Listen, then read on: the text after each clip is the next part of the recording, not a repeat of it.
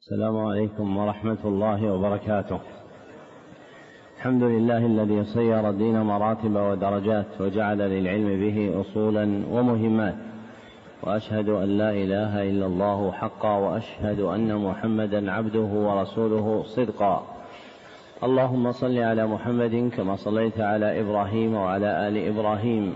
اللهم صل على محمد وعلى آل محمد كما صليت على إبراهيم وعلى آل إبراهيم إنك حميد مجيد. اللهم بارك على محمد وعلى آل محمد كما باركت على إبراهيم وعلى آل إبراهيم إنك حميد مجيد. أما بعد فحدثني جماعة من الشيوخ وهو أول حديث سمعته منهم بإسناد كل إلى سفيان بن عيينة عن عمرو بن دينار عن أبي قابوس مولى عبد الله بن عمرو عن عبد الله بن عمرو بن العاص رضي الله عنهما عن رسول الله صلى الله عليه وسلم أنه قال الراحمون يرحمهم الرحمن ارحموا من في الأرض يرحمكم من في السماء. ومن آكد الرحمة رحمة المعلمين بالمتعلمين في تلقينهم أحكام الدين وترقيتهم في منازل اليقين. ومن طرائق رحمتهم إيقافهم على مهمات العلم بإقراء أصول المتون. وبيان مقاصدها الكلية ومعانيها الإجمالية ليستفتح بذلك المبتدئون تلقيهم ويجد فيه المتوسطون ما يذكرهم ويطلع منه المنتهون إلى تحقيق مسائل العلم. وهذا المجلس الثاني في شرح الكتاب الثالث عشر من برنامج مهمات العلم في سنته السابعة سبع وثلاثين وأربعمائة وألف. وهو كتاب نخبة الفكر في مصطلح أهل الأثر للعلامة أحمد بن علي ابن شهاب ابن حجر العسقلاني للعلامة أحمد بن علي بن محمد بن حجر العسقلاني. أبو الفضل المصري رحمه الله المتوفى سنة اثنتين وخمسين وثمانمائة. وقد انتهى بنا البيان إلى بيان الأسباب العشرة التي يرد بها الحديث لأجل الطعن وفرغنا من ذكر سببين. والثالث فحش غلط الراوي. فحش غلط الراوي. ويسمى حديثه منكرا في قول بعض أهل العلم. ويسمى حديثه منكرا في قول بعض أهل العلم. وحده الحديث الذي يرويه فاحش الغلط. الحديث الذي يرويه فاحش الغلط. والغلط هو الخطأ. وفحشه كثرته. وفحشه كثرته. ويوصف الراوي بفحش. ويوصف الراوي بفحش غلطه إذا كان خطأه أكثر من صوابه أو مساويا له. ويوصف الراوي بفحش غلطه إذا كان خطأه أكثر من صوابه أو مساويا له. حققه ملا, علي قاري في شرح شرح نخبة الفكر. فليس المراد مجرد الغلط فإنه لا يعرى أحد منه لكن المراد معنى أدق وهو كثرة الغلط حتى تكون له هذه الحال بأن يكون خطأه مساويا صوابه أو غالبا صوابه. والرابع كثرة غفلة الراوي كثرة غفلة الراوي. ويسمى حديثه منكرا في قول بعض أهل العلم. وحده الحديث الذي يرويه كثير الغفلة الحديث الذي يرويه كثير الغفلة. والغفلة سهو يعتري الإنسان سهو يعتري الإنسان فيغيب عنه مراده ولا يتذكره. سهو يعتري الإنسان فيغيب عنه مراده ولا يتذكره. ولا بد من تقييدها بالفحش أي الكثرة لأن الغفلة اليسيرة جبلة آدمية. لأن الغفلة اليسيرة جبلة آدمية. فلا توجب طعنا وموجب الطعن هو فحش غفلته. وموجب الطعن هو فحش غفلته. والخامس فسق الراوي ويسمى حديثه منكرا في قول بعض أهل العلم. وحده الحديث الذي يرويه فاسق. والمراد بالفسق فعل الكبائر والمراد بالفسق فعل الكبائر. فإن الله بين فإن الله بين مراتب الذنوب في قوله وكره إليكم الكفر والفسوق والعصيان. فإن الله بين مراتب الذنوب في قوله وكره إليكم الكفر والفسوق والعصيان. فانتظمت في الآية أنواع الذنوب الثلاثة. فأولها الذنوب المكفرة. وأشير إليها بقوله الكفر. وثانيها الذنوب العظيمة التي ليست بمكفرة. وهي الكبائر وأشير إليها بقوله الفسوق. والثالث الذنوب التي ليست مكفرة ولا مفسقة وهي الصغائر. وأشير إليها بقوله العصيان. والفسوق مخصوص بالنوع الثاني وهو فعل الكبائر. فهو نازل عن رتبة الكفر ومرتفع عن رتبة العصيان. والكبيرة شرعا ما نهي عنه على وجه التعظيم. ما نهي عنه على وجه التعظيم. وعلى ما تقدم يكون الحديث المنكر هو الحديث الذي يرويه من فحش غلطه هو الحديث الذي يرويه من فحش غلطه أو كثرت غفلته أو ظهر فسقه. أو كثرت غفلته أو ظهر فسقه. فيعم حديث هؤلاء جميعا وتقدم له معنى آخر عندهم وهو ما يقابل المعروف وهو ما يقابل المعروف. والسادس وهم الراوي وهم الراوي والوهم الغلط وزنا ومعنى. والوهم الغلط وزنا ومعنى. ومعناه أن يروي الحديث على سبيل التوهم أن يروي الحديث على سبيل التوهم أي الغلط الناشئ عن سهو فلا حقيقة له في الأمر نفسه فلا حقيقة له في الأمر نفسه والوهم نوعان. أحدهما وهم ظاهر لا يحتاج معه إلى القرائن ولا إلى جمع الطرق وهم ظاهر لا يحتاج لا يحتاج معه إلى القرائن ولا جمع الطرق للاطلاع عليه. وهو الذي عناه المصنف بقوله أو فحش غلطه أو غفلته. أو فحش غلطه أو غفلته.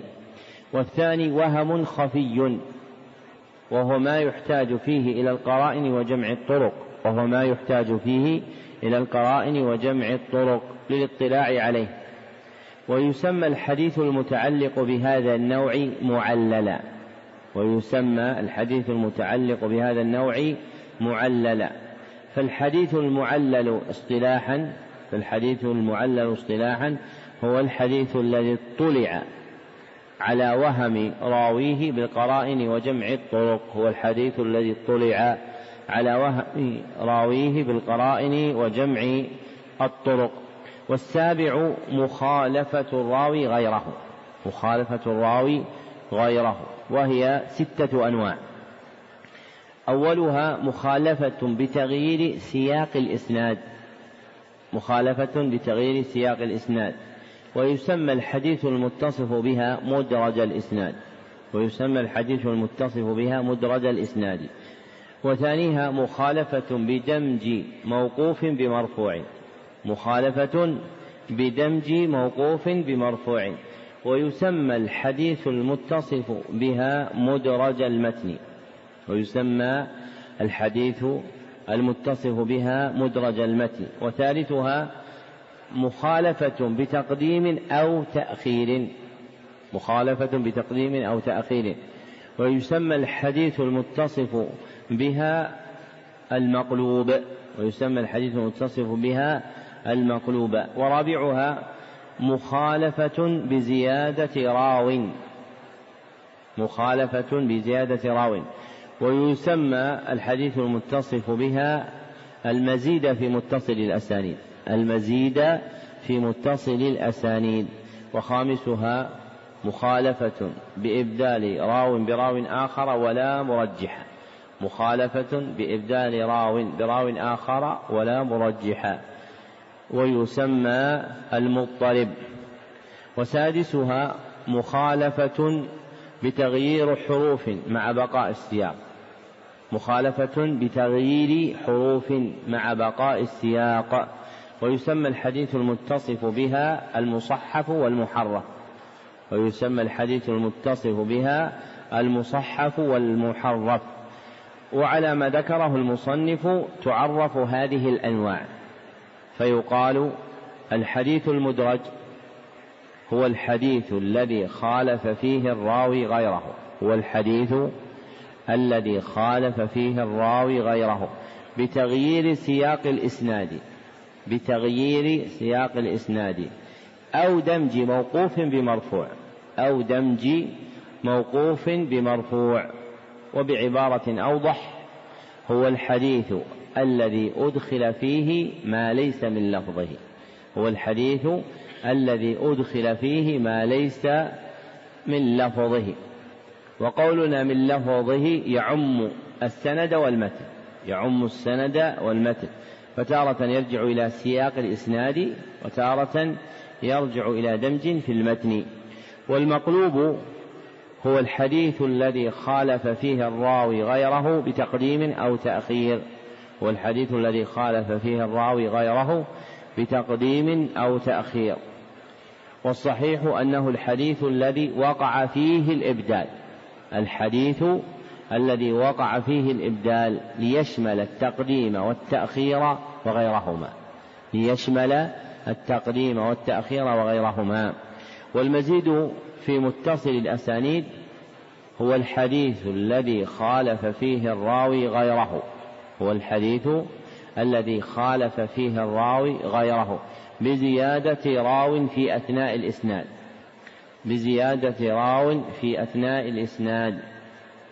ويكون من لم يزدها أتقن ممن زادها. ويكون من لم يزدها أتقن ممن زادها. فيكون الزائد أدخل راويا في أثناء السنة فيكون الزائد أدخل راويا في أثناء السند وشرطه أن يقع التصريح بالسماع في موضع الزيادة من الراوي الأقوى وشرطه أن يقع التصريح بالسماع في موضع الزيادة من الراوي الأقوى. فإذا صرح الراوي الأقوى في محل الزيادة بالسماع علم أن الزائد أخطأ في زيادته. وإلا متى كان معنعنا فربما ترجحت الزيادة أو صح الوجهان معا. وإلا فمتى كان معنعنا فربما صحت الزيادة أو الوجهان معا أو الوجهان معا. فتارة يروي الراوي حديثا عن شيخ ثم يعلو فيرويه عن شيخ شيخه. وهذا واقع في حديث جماعة من الرواة. عند البخاري وغيره كحديث الجريدتين عن ابن عباس فإن البخاري رواه من حديث مجاهد عن طاووس عن ابن عباس ورواه أيضا من حديث مجاهد عن ابن عباس فيكون مجاهد سمعه من ابن عباس ومن ومن طاووس بن كيسان اليماني عن ابن عباس فصح الوجهان جميعا. والمضطرب هو الحديث الذي خالف فيه الراوي غيره بإبدال راوي. هو الحديث الذي خالف فيه الراوي غيره بإبدال راو ولا مرجح ولا مرجح.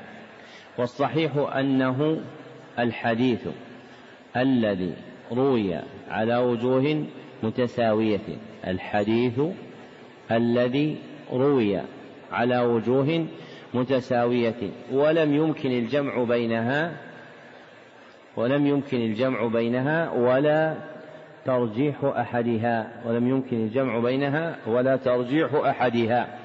والمصحف والمحرف هو الحديث الذي خالف فيه الراوي غيره بتغيير حروف الحديث الذي خالف فيه الراوي غيره بتغيير حروف مع بقاء الإسناد.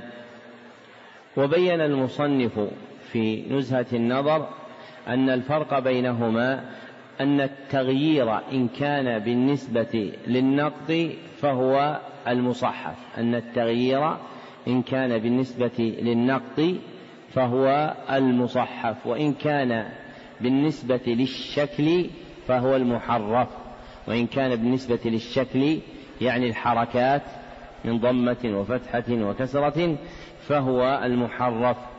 والاصطلاح الشائع عند المحدثين التسوية بينهم. والاصطلاح الشائع عند المحدثين التسوية بينهما. وهذا التغيير الذي ذكره يكون في النطق أو الرسم يعني الكتابة. يكون في النطق أو الرسم يعني الكتابة أو المعنى. ولأجل هذا ذكر المصنف رواية الحديث بالمعنى بعد هذا لكونها تغييرا. فقال ولا يجوز تعمد تغيير المتن إلى آخره. وهذه الجملة ذكر فيها المصنف مسألتين شريفتين. أولاهما تعريف رواية الحديث بالمعنى. تعريف رواية الحديث بالمعنى.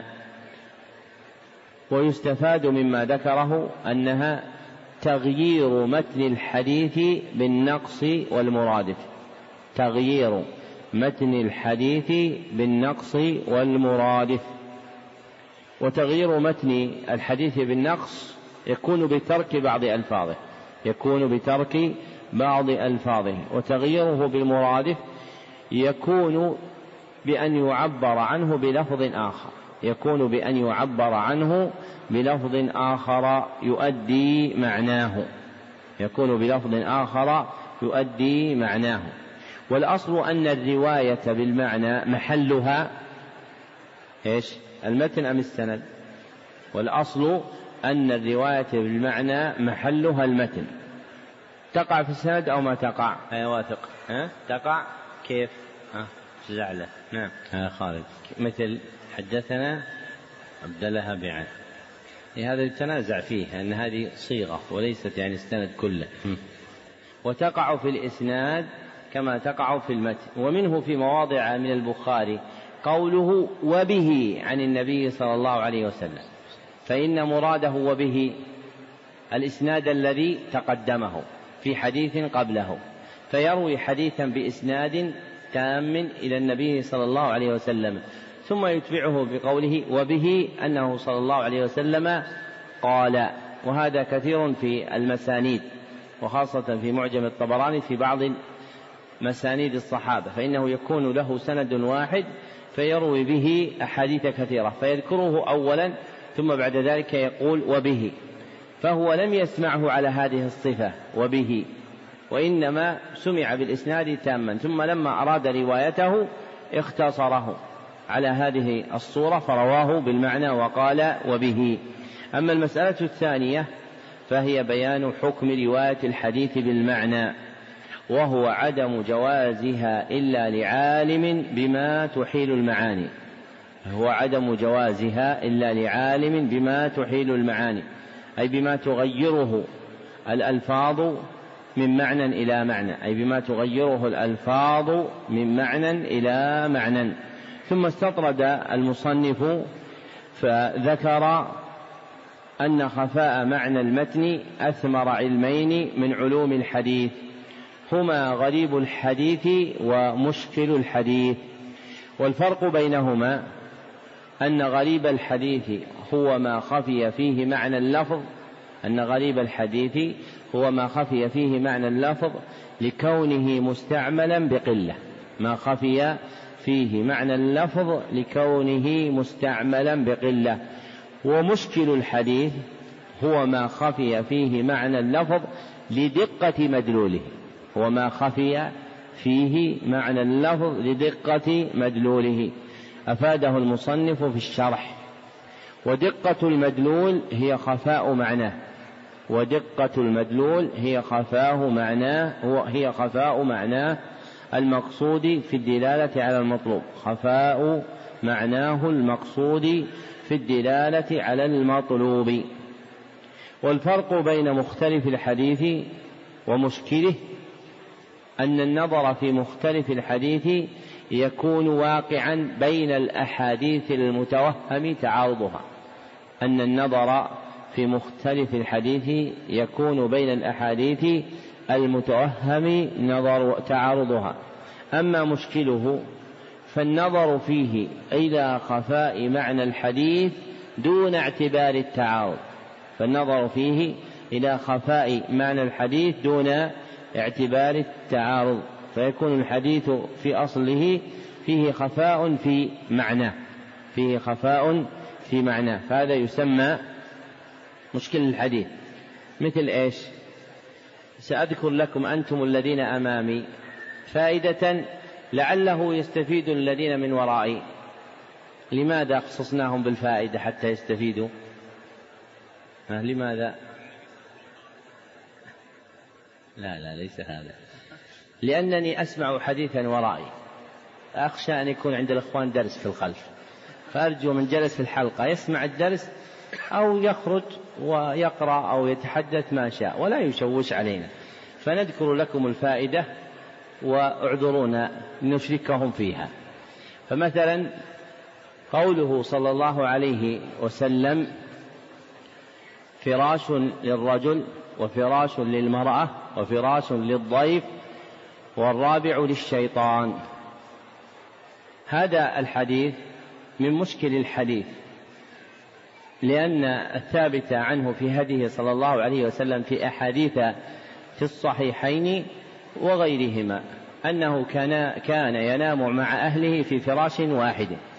فكيف في هذا الحديث يكون فراش للرجل وفراش للمرأة؟ الحديث. فالإشكال في الجملتين الأوليين. واضح الإشكال؟ هذا إشكال في الحديث نفسه وجوابه ها يا عبد الله. أن المرأة لا هذا واحد من المعاني.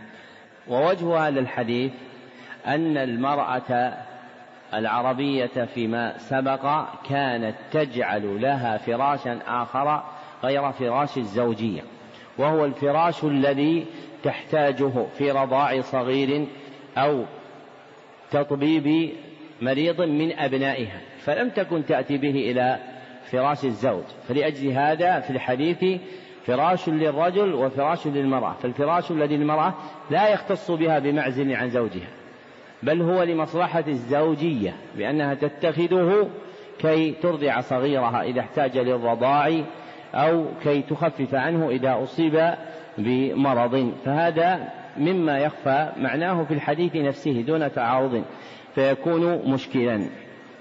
والثامن من أسباب الطعن جهالة الراوي جهالة الراوي. وهي عدم العلم بالراوي أو بحاله.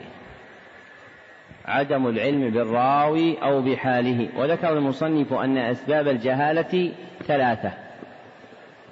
أولها كثرة نعوت الراوي. كثرة نعوت الراوي. أي ألقابه فيذكر بغير ما اشتهر به تدليسا. فيذكر بغير ما اشتهر به تدليسا. لغرض ما. وصنفوا لتمييز رواته نوعا من علوم الحديث هو الموضح.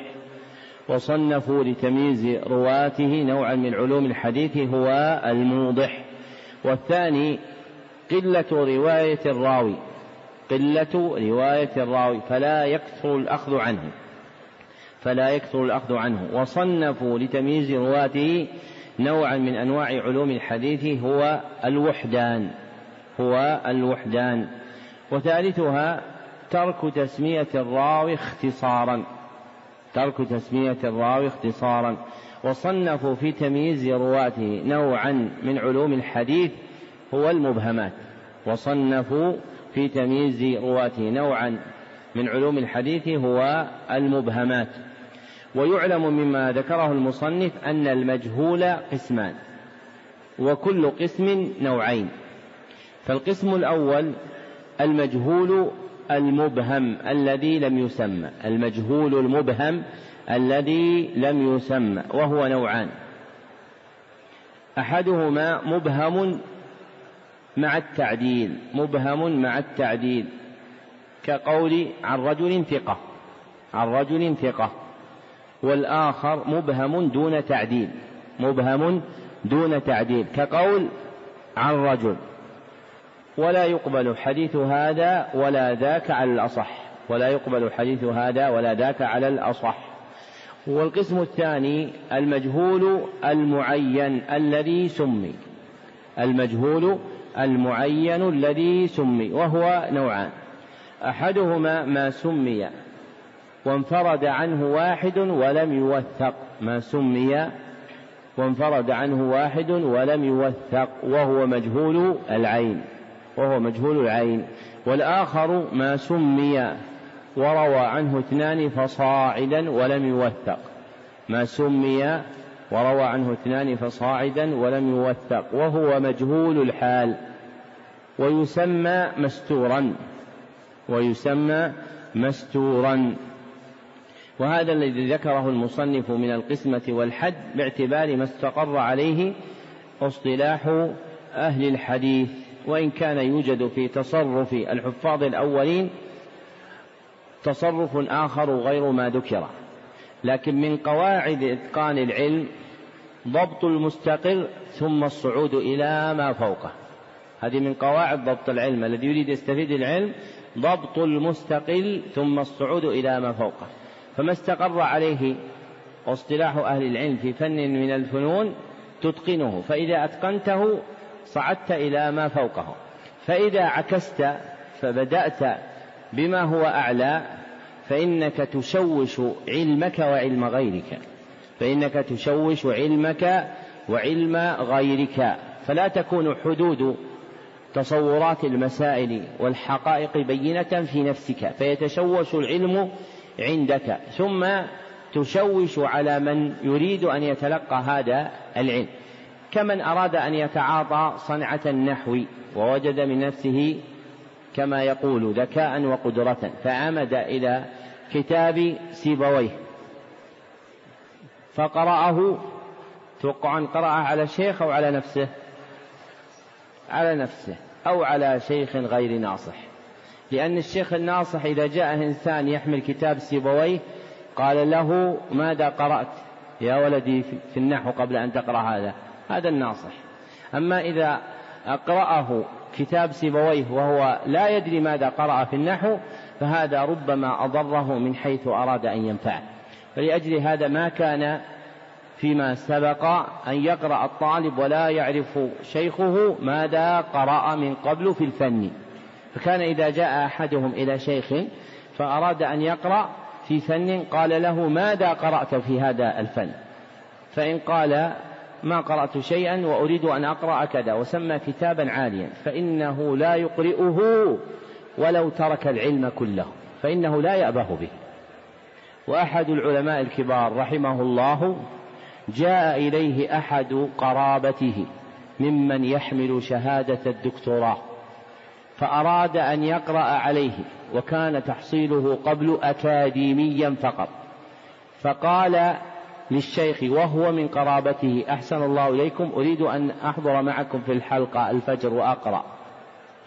فقال له الشيخ الناصح هات ثلاثة الأصول. فقال له أحسن الله إليك. هذه درسناها في المدارس. ونحن نقرأ نريد أن نقرأ في الكتب الكبار. فقال له هات ثلاثة الأصول. فحاول مرارا فلم يزده على أن قال هات ثلاثة الأصول. فلم يأت بها ولا جاء في الحلقة ولا زكى في العلم. لأنه أراد أن ينصحه. إن أراد أن يستفيد يبدأ من حيث يبدأ الناس. وأما الخط كيفما اتفق فهو الذي أنشأ جيلا ينتسبون إلى العلم لا يحققون أصوله ولا يفهمون قواعده. ثم تجدهم يسارعون في إبطال الحق وإحقاق الباطل لأن العلم الراسخ الذي ينفع شوش عليهم وشوشوه على أنفسهم. والتاسع من أسباب الطعن بدعة الراوي. والتاسع من أسباب الطعن بدعة الراوي. والبدعة شرعا هي ما أحدث في الدين مما ليس منه بقصد التعبد. ما أحدث في الدين مما ليس منه بقصد التعبد. وهي على ما ذكره المصنف نوعان. أولهما بدعة بمكفر بدعة بمكفر ولا يقبل حديث صاحبها الجمهور وثانيها بدعة بمفسق. وقد ذكر المصنف أنه يقبل حديث من لم يكن داعية أنه يقبل حديث من لم يكن داعية في الأصح إلا إن روى ما يقوي بدعته إلا إن روى ما يقوي بدعته. فاختياره أن من كان مبتدعا بدعة غير مكفرة قبل حديثه بشرطين.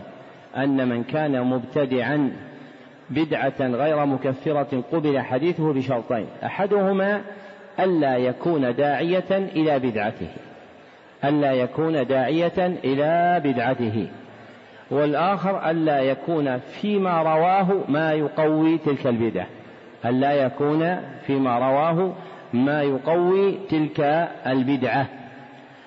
والعاشر من أسباب الطعن سوء حفظ الراوي. سوء حفظ الراوي. وسوء الحفظ هو رجحان خطأ الراوي على إصابته أو تساويهما.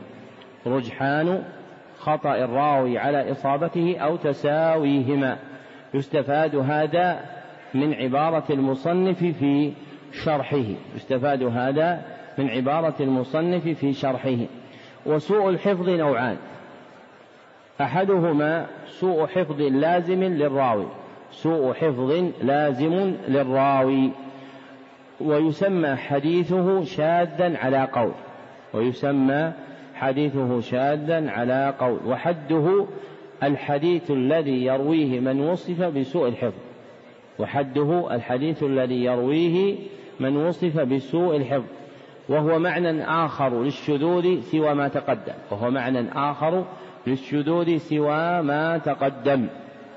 انظروا الآن هذا في كتاب يعتني بالمصطلح المستقر. مع ذلك الشاذ ذكر له معنى وذكر له أيضا معنى. فكيف إذا جاءني طالب يريد أن يقرأ عندي مصطلح الحديث فأوردت عليه؟ مثلا اجتهدت مرة أو فيما سبق وجمعت أن المرسل في اصطلاح أهل العلم جرى استعماله على ستة عشر معنى. فإذا قلت لهذا الطالب المبتدئ هذه المعاني الستة عشر فماذا يقول؟ ها؟ يقول العلم صعب. يقول العلم صعب. ولو كان ذكيا حاذقا حافظا فإن هذا يثقل على ذهنه. فلا يمكنه أن يبرع في هذا العلم. فإذا لقن العلم شيئا فشيئا فإنه ربما بحسن التعليم وصلاح النية يكون أعلم من معلمه. والآخر سوء حفظ طارئ على الراوي. سوء حفظ طارئ على الراوي. ويسمى الراوي الموصوف به مختلطا. ويسمى الراوي الموصوف به مختلطا. والاختلاط حال تعتري من كان ضابطا محفوظه.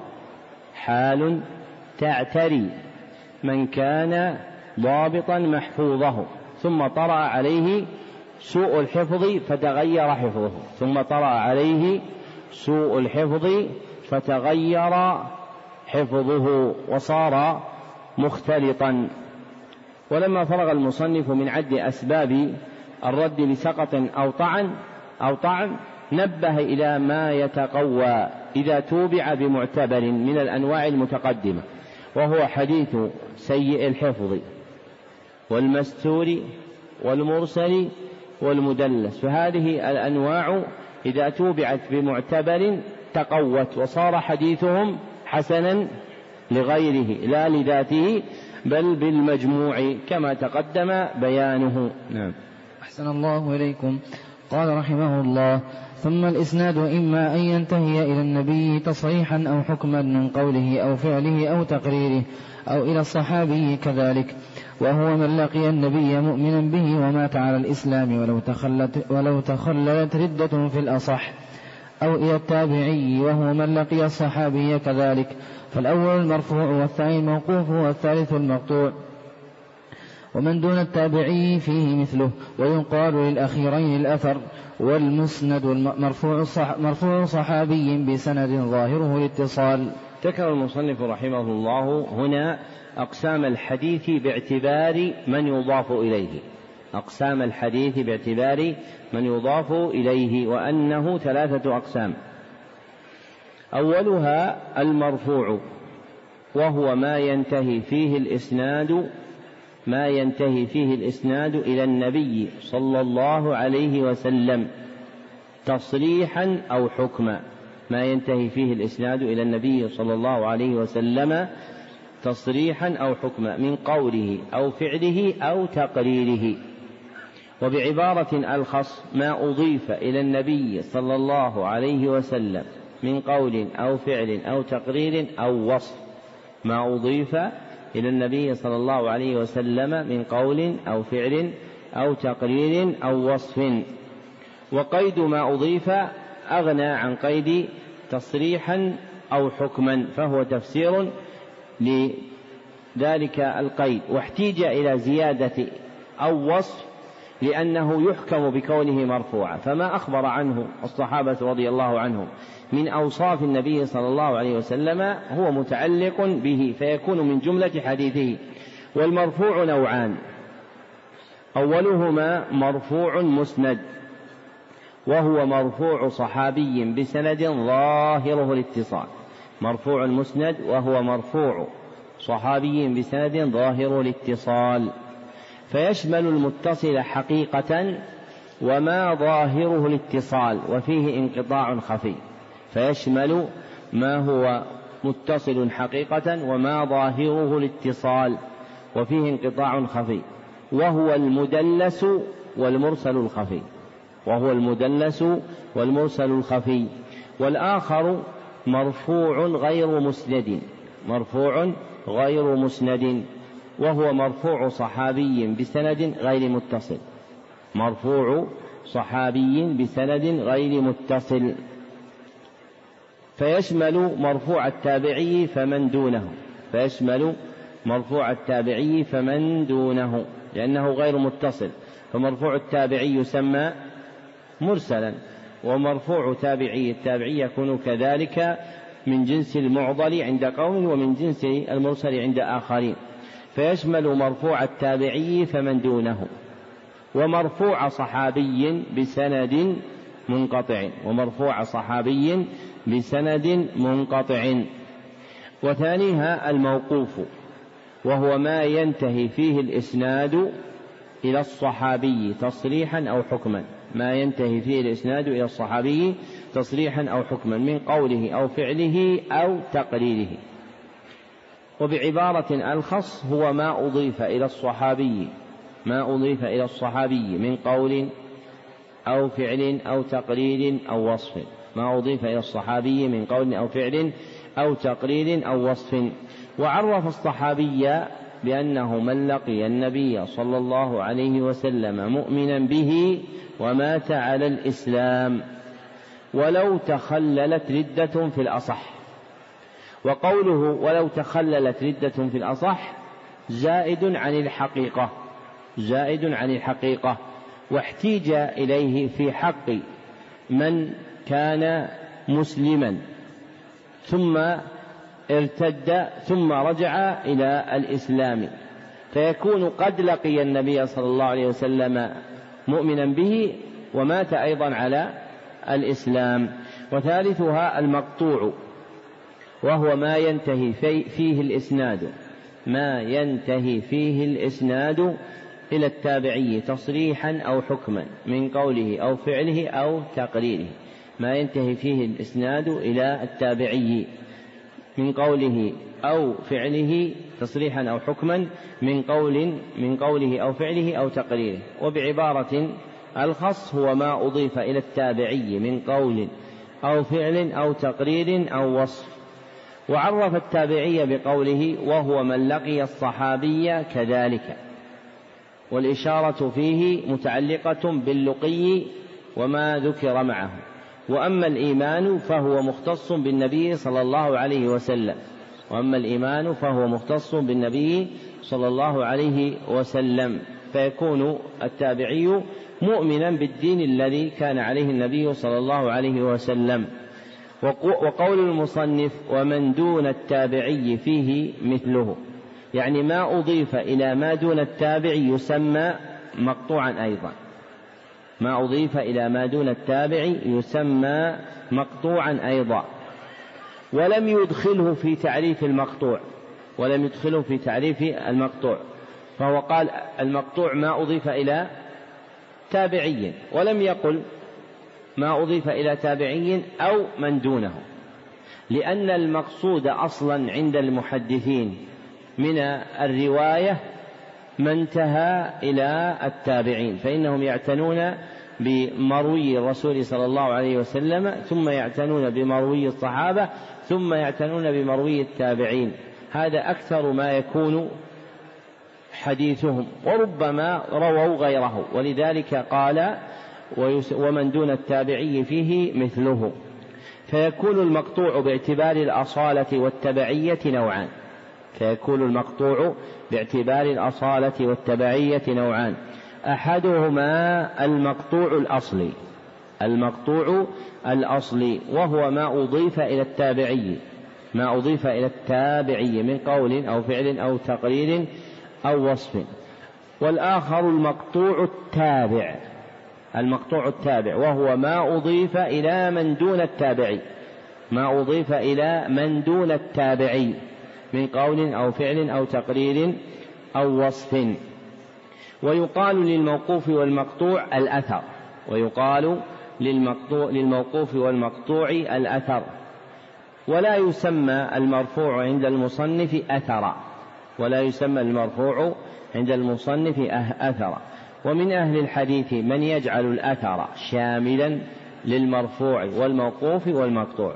ومن أهل الحديث من يجعل الأثر شاملا للمرفوع والموقوف والمقطوع.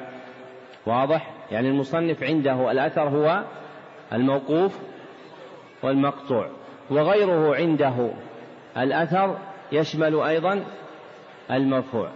طيب من تصرف ابن حجر ما الفرق عنده بين الخبر والأثر؟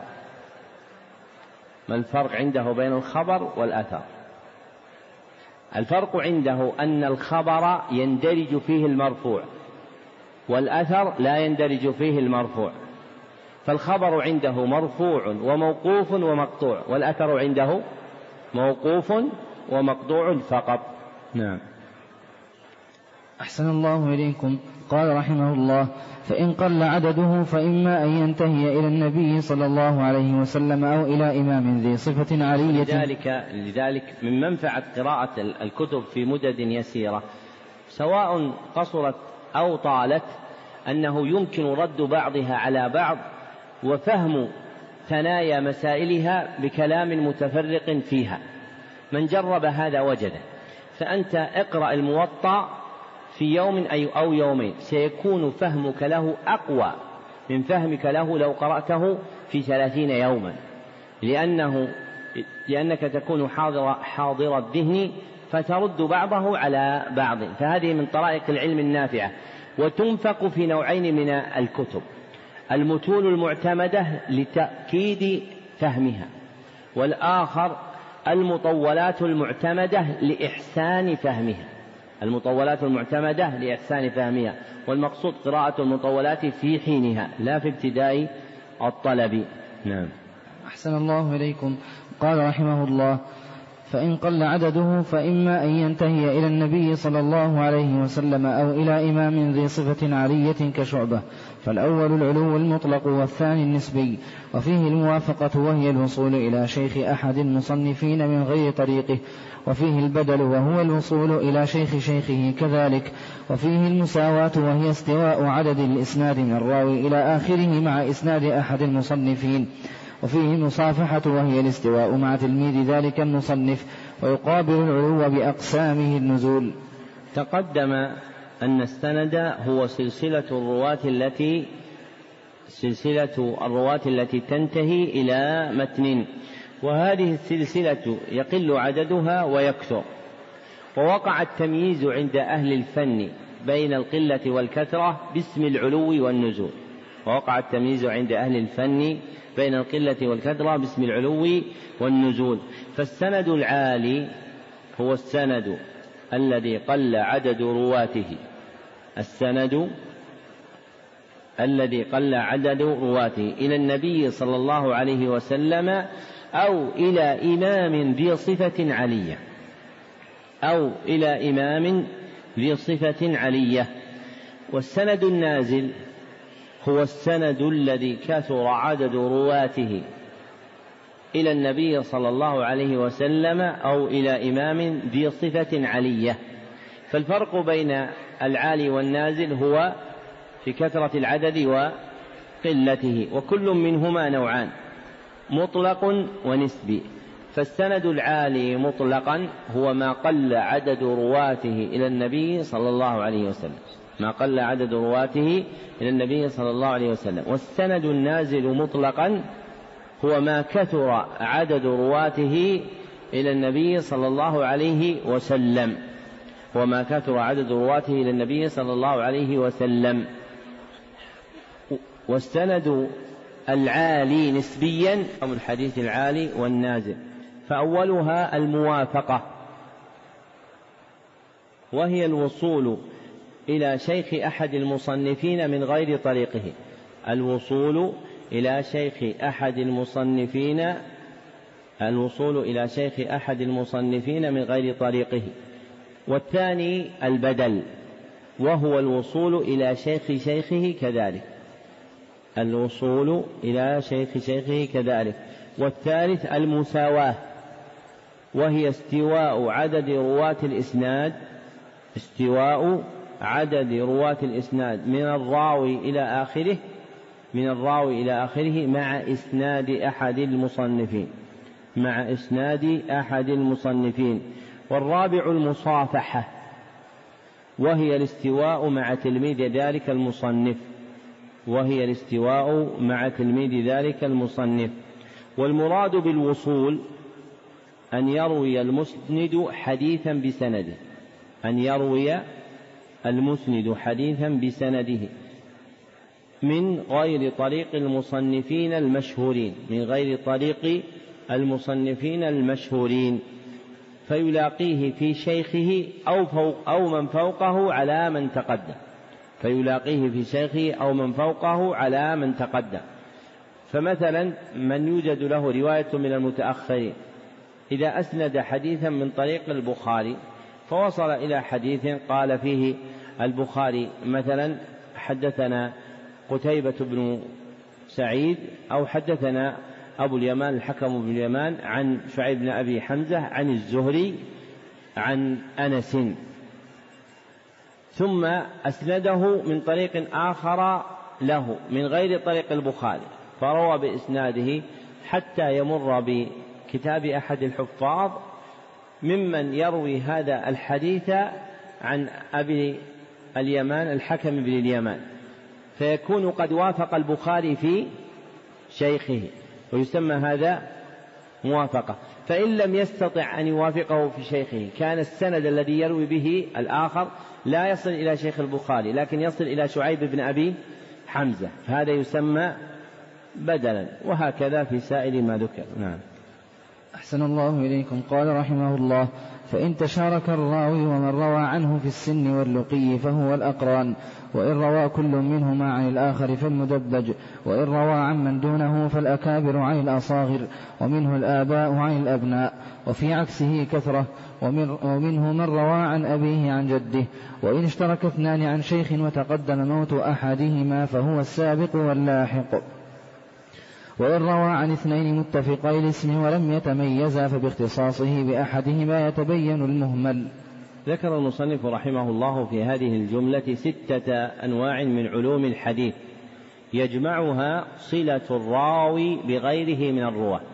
صلة الراوي بغيره من الرواة وهي من اللطائف الإسنادية.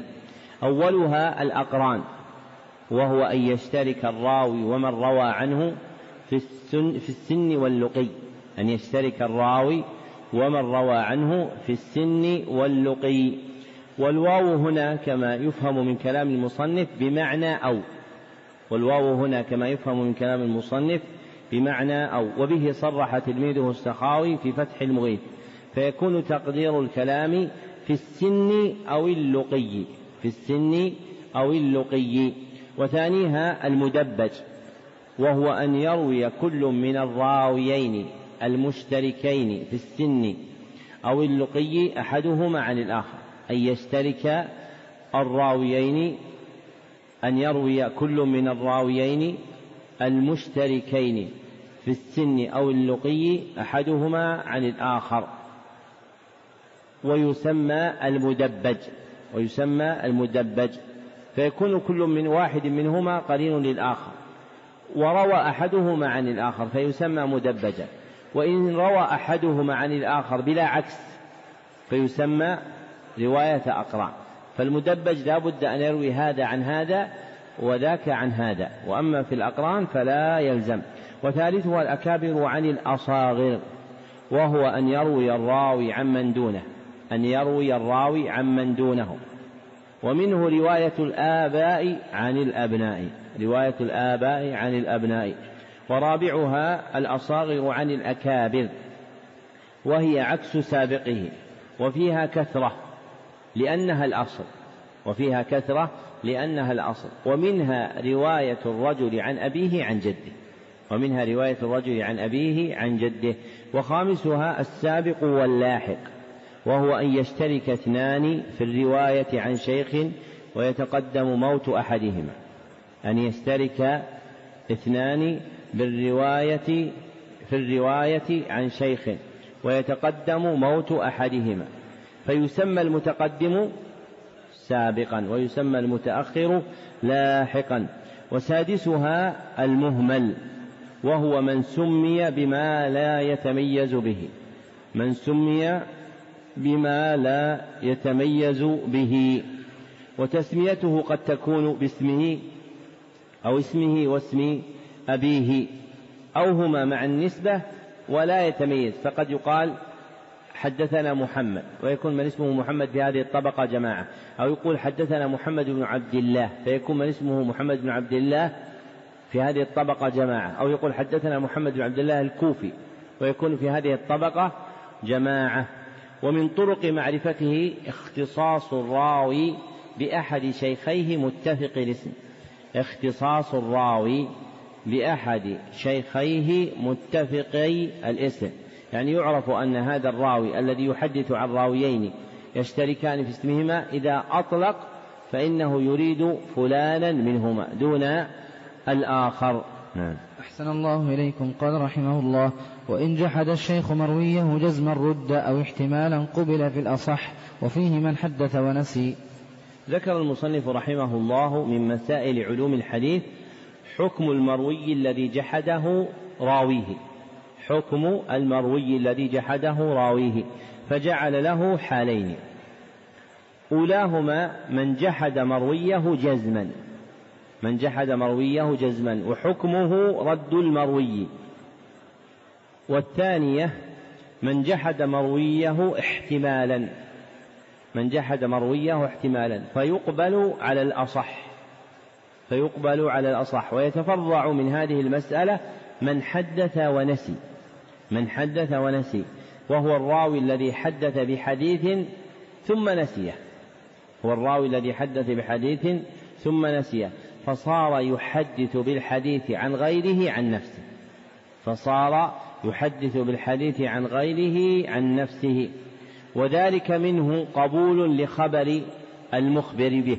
وذلك منه قبول لخبر المخبر به. لكنه احتاط لنفسه في الرواية. احتاط لنفسه في الرواية. فحفظ أمانة الحديث. فحدث عن غيره عن نفسه. وهذا شيء يثقل على نفوس كثير من الناس. ولهذا قال وكيع لا يرتفع في هذه الصنعة إلا صادق. يعني لا يرتفع في صنعة العلم إلا صادق. وهذا الصدق له جهتان. إحداهما صادق مع الله والآخر صادق مع خلق الله. فمن كان كذلك رفعه الله عز وجل مكانا عليا. وليس رفعه أن يتولى المناصب أو التدريس أو يأخذ الشهادات العالية. رفعه أن يطمئن قلبه بالله وينشرح صدره بذكر الله. ويكون أنسه بربه سبحانه وتعالى أحب إليه من الأنس بالناس. فالناس لا يقدمون فيه شيئا ولا يؤخرون لأنه دائر مع أمر الله. نسأل الله أن يرزقنا جميعا الصدق معه ومع خلقه. نعم.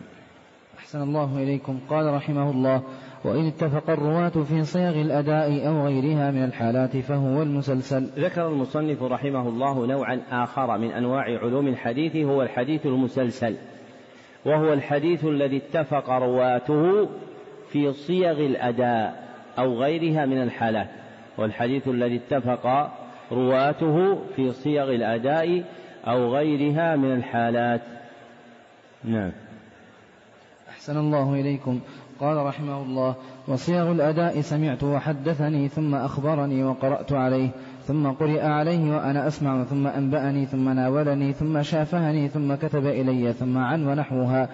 فالأولان لمن سمع وحده من لفظ الشيخ فإن جمع فمع غيره وأولها أصرحها وأرفعها في الإملاء. والثالث والرابع لمن قرأ, بنفس لمن قرأ بنفسه. قال رحمه الله وصيغ الأداء سمعت وحدثني ثم أخبرني وقرأت عليه ثم قرئ عليه وأنا أسمع ثم أنبأني ثم ناولني ثم شافهني ثم كتب إلي ثم عن ونحوها. فالأولان لمن سمع وحده من لفظ الشيخ فإن جمع فمع غيره وأولها أصرحها وأرفعها في الإملاء. والثالث والرابع لمن قرأ بنفسه فإن جمع فهو كالخامس.